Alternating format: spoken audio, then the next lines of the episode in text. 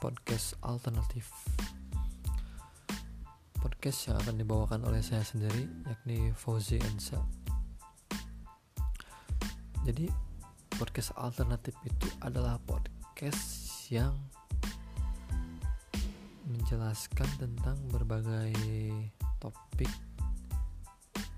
Tapi by the way ini baru episode pertama. Mungkin di episode kedua atau tiga dan selanjutnya akan membahas lagi banyak topik jadi alternatif sendiri itu bisa dikatakan sebuah pilihan di antara dua atau beberapa kemungkinan. Jadi bisa dikatakan formalitas lah pilihan kedua. Kemudian bisa juga dikatakan opsi pilihan atau juga pengganti. Ya mungkin substitution lah kalau di sepak bola seperti pemain cadangan ada pemain inti ada pemain cadangan nah si alternatif ini mungkin adalah pemain cadangannya. Dan pada saat ini saya akan membahas tentang SEM algorithm. Atau algoritma yang sama yang berulang. Jadi algoritma sendiri adalah deretan instruksi yang jelas dalam memecahkan sebuah masalah, yaitu untuk memperoleh keluaran yang diinginkan dari suatu masukan dalam jumlah waktu yang terbatas. Jadi bisa dikatakan si algoritma itu langkah-langkah untuk mencapai suatu tujuan dalam waktu tertentu. Jadi dalam proses ini, dalam langkah-langkah ini ada yang namanya input yaitu masukan dan proses yaitu apa yang terjadi dan kemudian output apa yang dihasilkan nah kata algoritma ini berasal dari nama seorang penulis buku yakni orang Arab orang buku Arab namun dia orang Persia. Nah namanya itu Abu Ja'far Muhammad ibnu Musa al-Khwarizmi Nah, jadi algoritma itu berasal dari nama seseorang, bukan dari sebuah objek benda ataupun sebuah sistem atau bahkan sebuah kejadian. Algoritma berasal dari seorang nama penulis yakni Abu Ja'far Muhammad Ibnu Musa Al-Khwarizmi. Tapi di mana kata algoritmanya?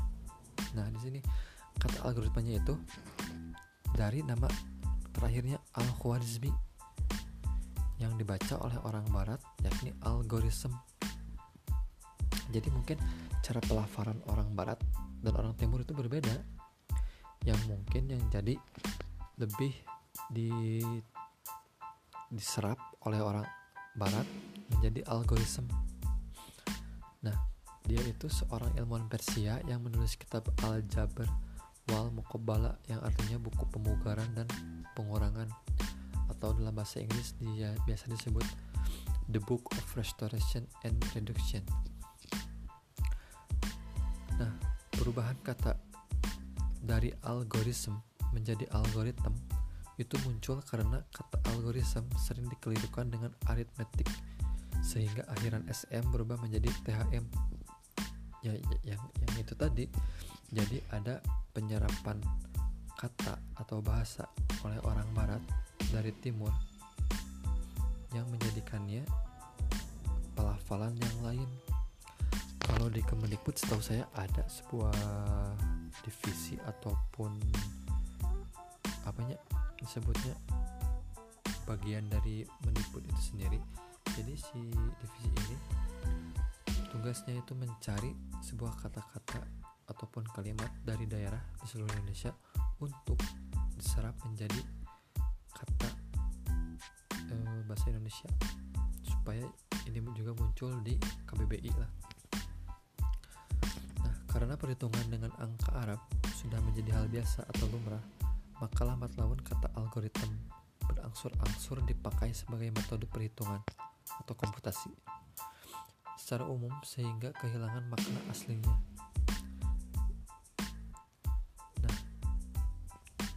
kalau di bahasa Indonesia kata algoritma sendiri itu diserap oleh bangsa kita menjadi sebuah kata algoritma tapi saya di sini tidak akan lebih spesifik membahas apa itu algoritma dan bagaimana algoritma itu terjadi. Tapi saya akan membahas soal algoritma yang terjadi di kehidupan kita ya kehidupan sehari-hari setiap orang tentunya mempunyai aktivitas sehari-hari yang berbeda.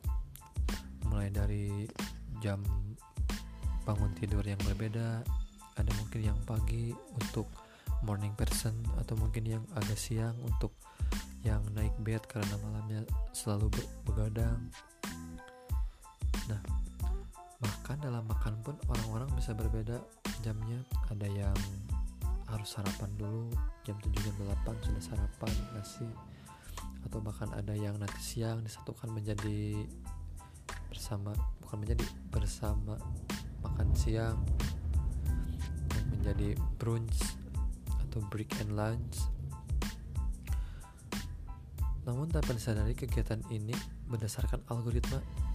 Kalian pernah nggak jadi kenapa kita kita selalu melakukan kegiatan yang sama di hari-hari setiap harinya? Nah ini karena algoritma yang terbentuk dalam diri kita. Cuma bedanya algoritma di dalam diri kita itu bukan berupa coding seperti dalam uh, coding pemrograman komputer ataupun website. Seperti itu. Jadi terbentuk secara tidak sadar karena kita sering melakukan hal itu dan tertanam dalam uh, alam bawah sadar kita. Nah si algoritma ini berasal dari uh, apa sih pengalaman atau hal-hal yang kita pelajari. Bisa dikatakan algoritma adalah apa yang dibalik setiap kegiatan kita.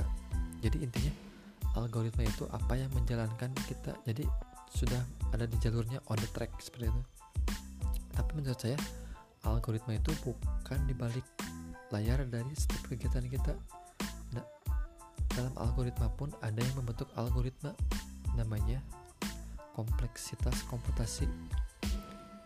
Dan saya juga saya pernah membaca tentang sebuah artikel yang kebetulan ada kaitannya dengan algoritma jadi dalam artikel itu menjelaskan bahwa kompleksitas komputasi adalah cabang ilmu matematika yang mempertimbangkan bagaimana sumber daya seperti memori komputer atau daya komputasi mempengaruhi algoritma.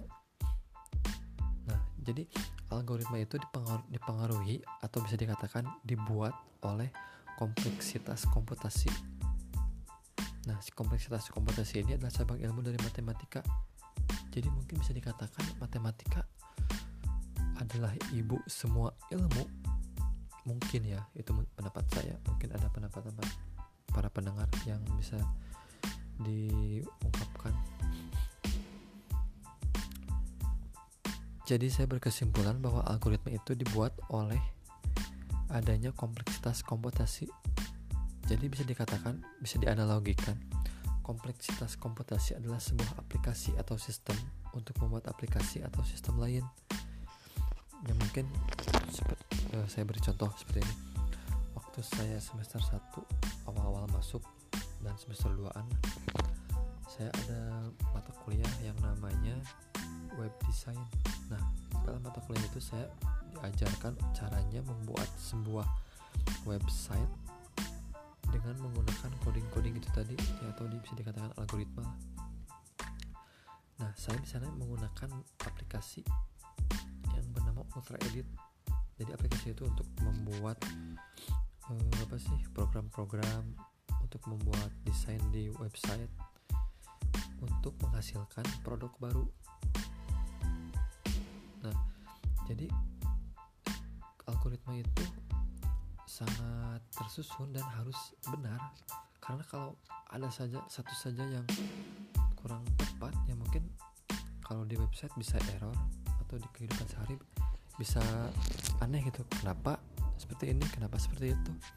Ya karena itu kita menerima atau melakukan menjalankan algoritma yang yang bukan seharusnya kita jalankan. Nah balik lagi ke topik yang tadi. Kemudian kebiasaan itu disimpan di memori kepala kita yang tertanam di alam bawah sadar sehingga pada saat melakukan aktivitas yang memang sudah terbiasa otak tidak perlu lagi menganalisis dan akan secara otomatis melompat ke proses.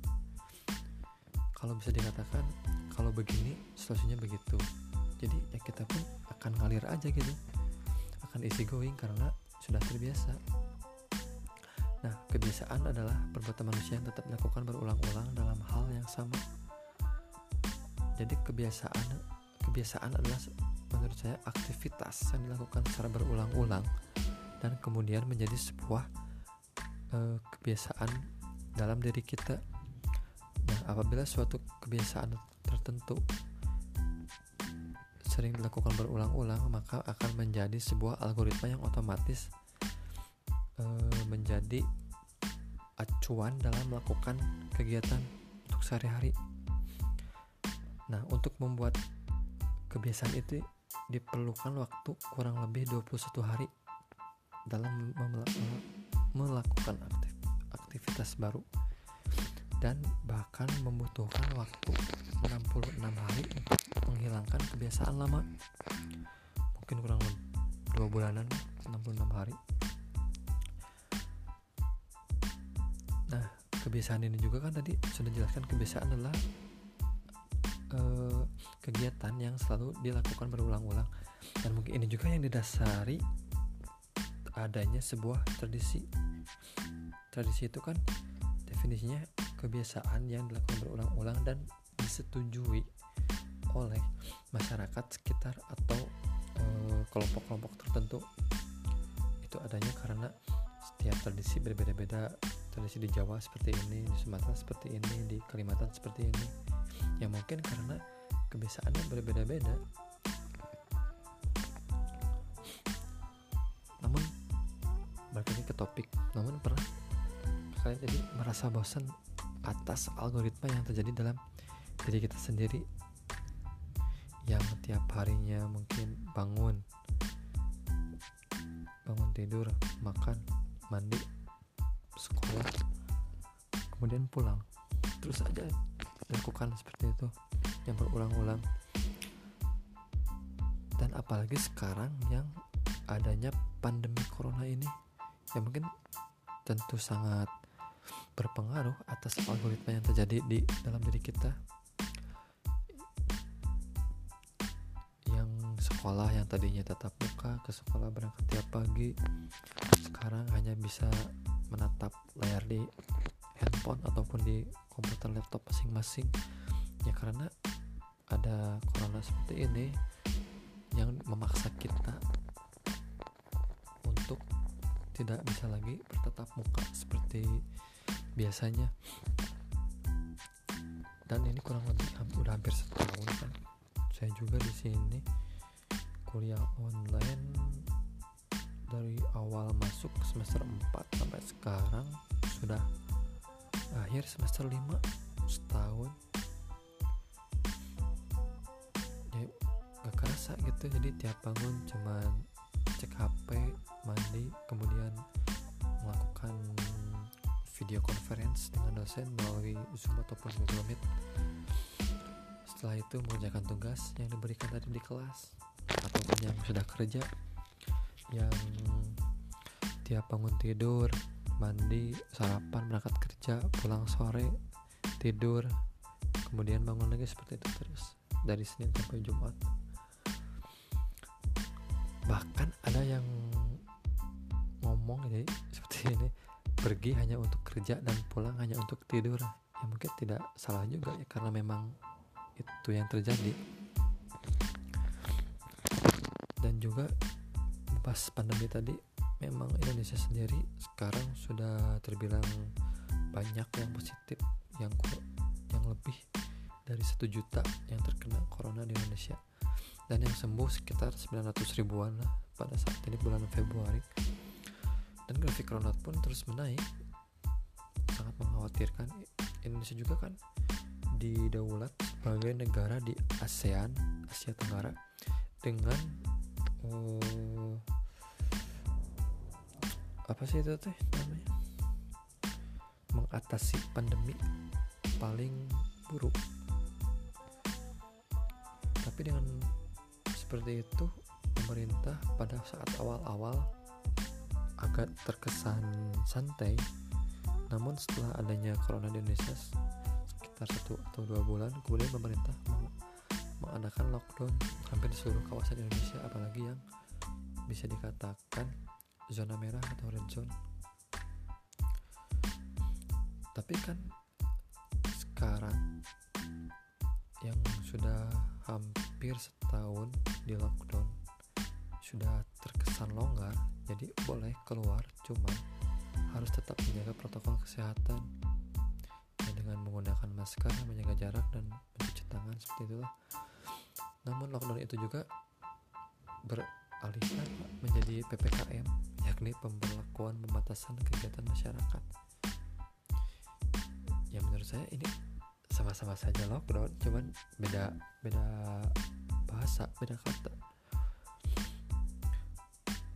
Jadi kalau dikaitkan tadi ke dalam budaya ini ada kaitannya kalau menurut saya kan dari yang tadinya namanya lockdown menjadi ppkm ini kan berdasarkan budaya bahwa di Indonesia itu selalu ada penggantian nama kalau nama yang satunya ini terkesan gagal.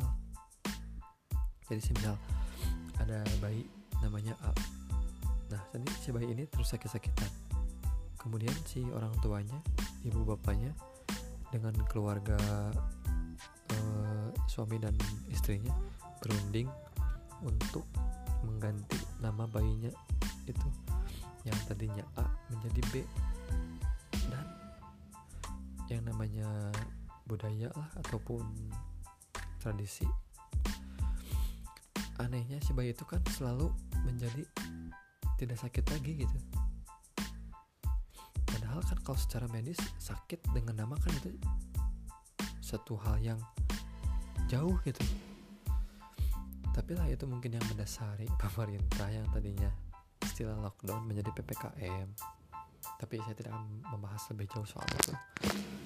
Biarkan pemerintah dan WHO, PBB, mungkin Departemen Kesehatan untuk mengatasi corona ini. Tapi kita pun jangan lalai hanya mengandalkan pemerintah semata.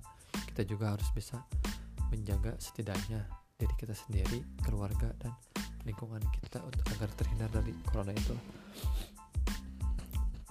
Balik lagi ke topiknya tadi. Jadi algoritma yang terjadi di kehidupan kita itu berlandaskan atas kebiasaan yang membuat kita melakukan hal itu terus menerus. Nah, menurut saya algoritma itu bisa menciptakan sebuah zona yang namanya zona itu zona nyaman atau sering dikatakan comfort zone dalam bahasa Inggrisnya. Jadi comfort zone itu zona di mana kita ya nyaman enak gitu tidak mau keluar dari zona itu. Namun ya bahaya. Coba kalian searching di Google comfort zone atau zona zona nyaman. Yang keluar itu artikel-artikel soal cara keluar dari zona nyaman efek dari zona nyaman efek apabila kita keluar dari zona nyaman. Ya seperti itulah.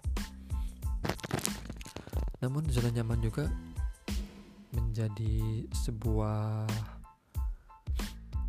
kebiasaan. Ya karena kita terlena dengan nikmatnya zona itu. Tapi zona nyaman juga menurut saya tidak selalu konotasinya negatif. Ada positifnya menjadi kita membuat lebih bersyukur karena kita telah mencapai titik ini. Jadi jangan disalahkan apabila ada orang gitu mereka betah di zona nyaman.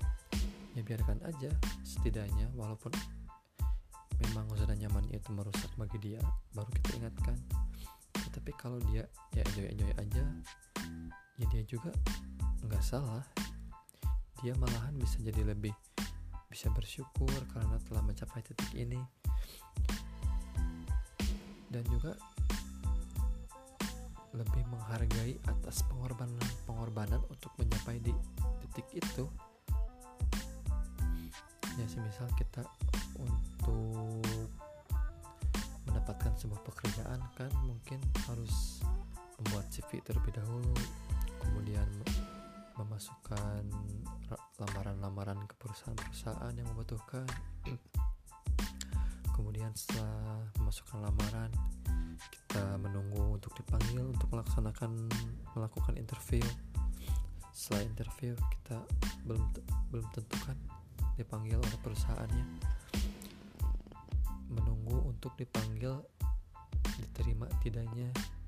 Nah setelah kita dipanggil oleh perusahaan di mana kita interview otomatis kan kita bekerja di sana. Nah setelah kita bekerja setelah lama lama lama mungkin bisa saja dia tidak mau lagi keluar dari zona itu. Ya karena dia tahu perjuangannya untuk mendapatkan untuk mendapatkan posisi di sana. Nggak gampang. Dan dari sisi negatifnya memang kita kalau diam di zona nyaman itu stuck tidak naik tidak turun stabil aja lempeng gitu terus. Ya itu balik lagi ke kita. Kalau kita suka tantangan ya kita keluar dari comfort zone. Kalau memang kita masih ingin uh, me mensyukuri apa yang kita dapatkan. Bisa dikatakan seperti itu ya. Tunggu saja dulu untuk keluar dari zona nyaman itu. Tapi alangkah baiknya jangan terlalu lama. Boleh di zona nyaman asal jangan terlalu lama menurut saya. Nah membahas soal zona nyaman. Jadi zona nyaman sendiri itu untuk keluar dari zona nyaman itu memang tidak mudah dan tidak murah. Kenapa tidak murah? Karena ya butuh biaya butuh finansial nggak cuma modal siap. Ambil misal deh kita. Zona nyaman kita eh, tiduran rebahan seperti itu ya. Nah untuk keluar dari zona itu memang susah. Uh, contohnya kita ingin olahraga jogging pagi hari kan otomatis kita harus siap yang pertama. Terus kemudian minimal kita punya sepatu untuk larinya. It's okay mungkin yang sudah punya bisa dipakai kembali. Tapi bagaimana yang yang tidak harus meminjam kan? Entah itu ke saudara ke teman tetangga bahkan. Atau kalau mereka tidak punya kan kita harus membeli sepatu itu. Ya ya atas atas ungkapan itu menurut saya keluar dari zona nyaman itu tidak mudah dan tidak murah. Tapi banyak manfaatnya kalau kita keluar dari zona nyaman yang mulai dari pikiran kita lebih uh, luas menemukan hal-hal baru yang belum kita ketahui sebelumnya menambah relasi dalam pergaulan mengetahui kelemahan dan kekuatan kita dan bahkan bisa menemukan passion dan hobi lebih baru terlebihnya. Nah algoritma itu seperti dikatakan tadi langkah-langkah yang berulang.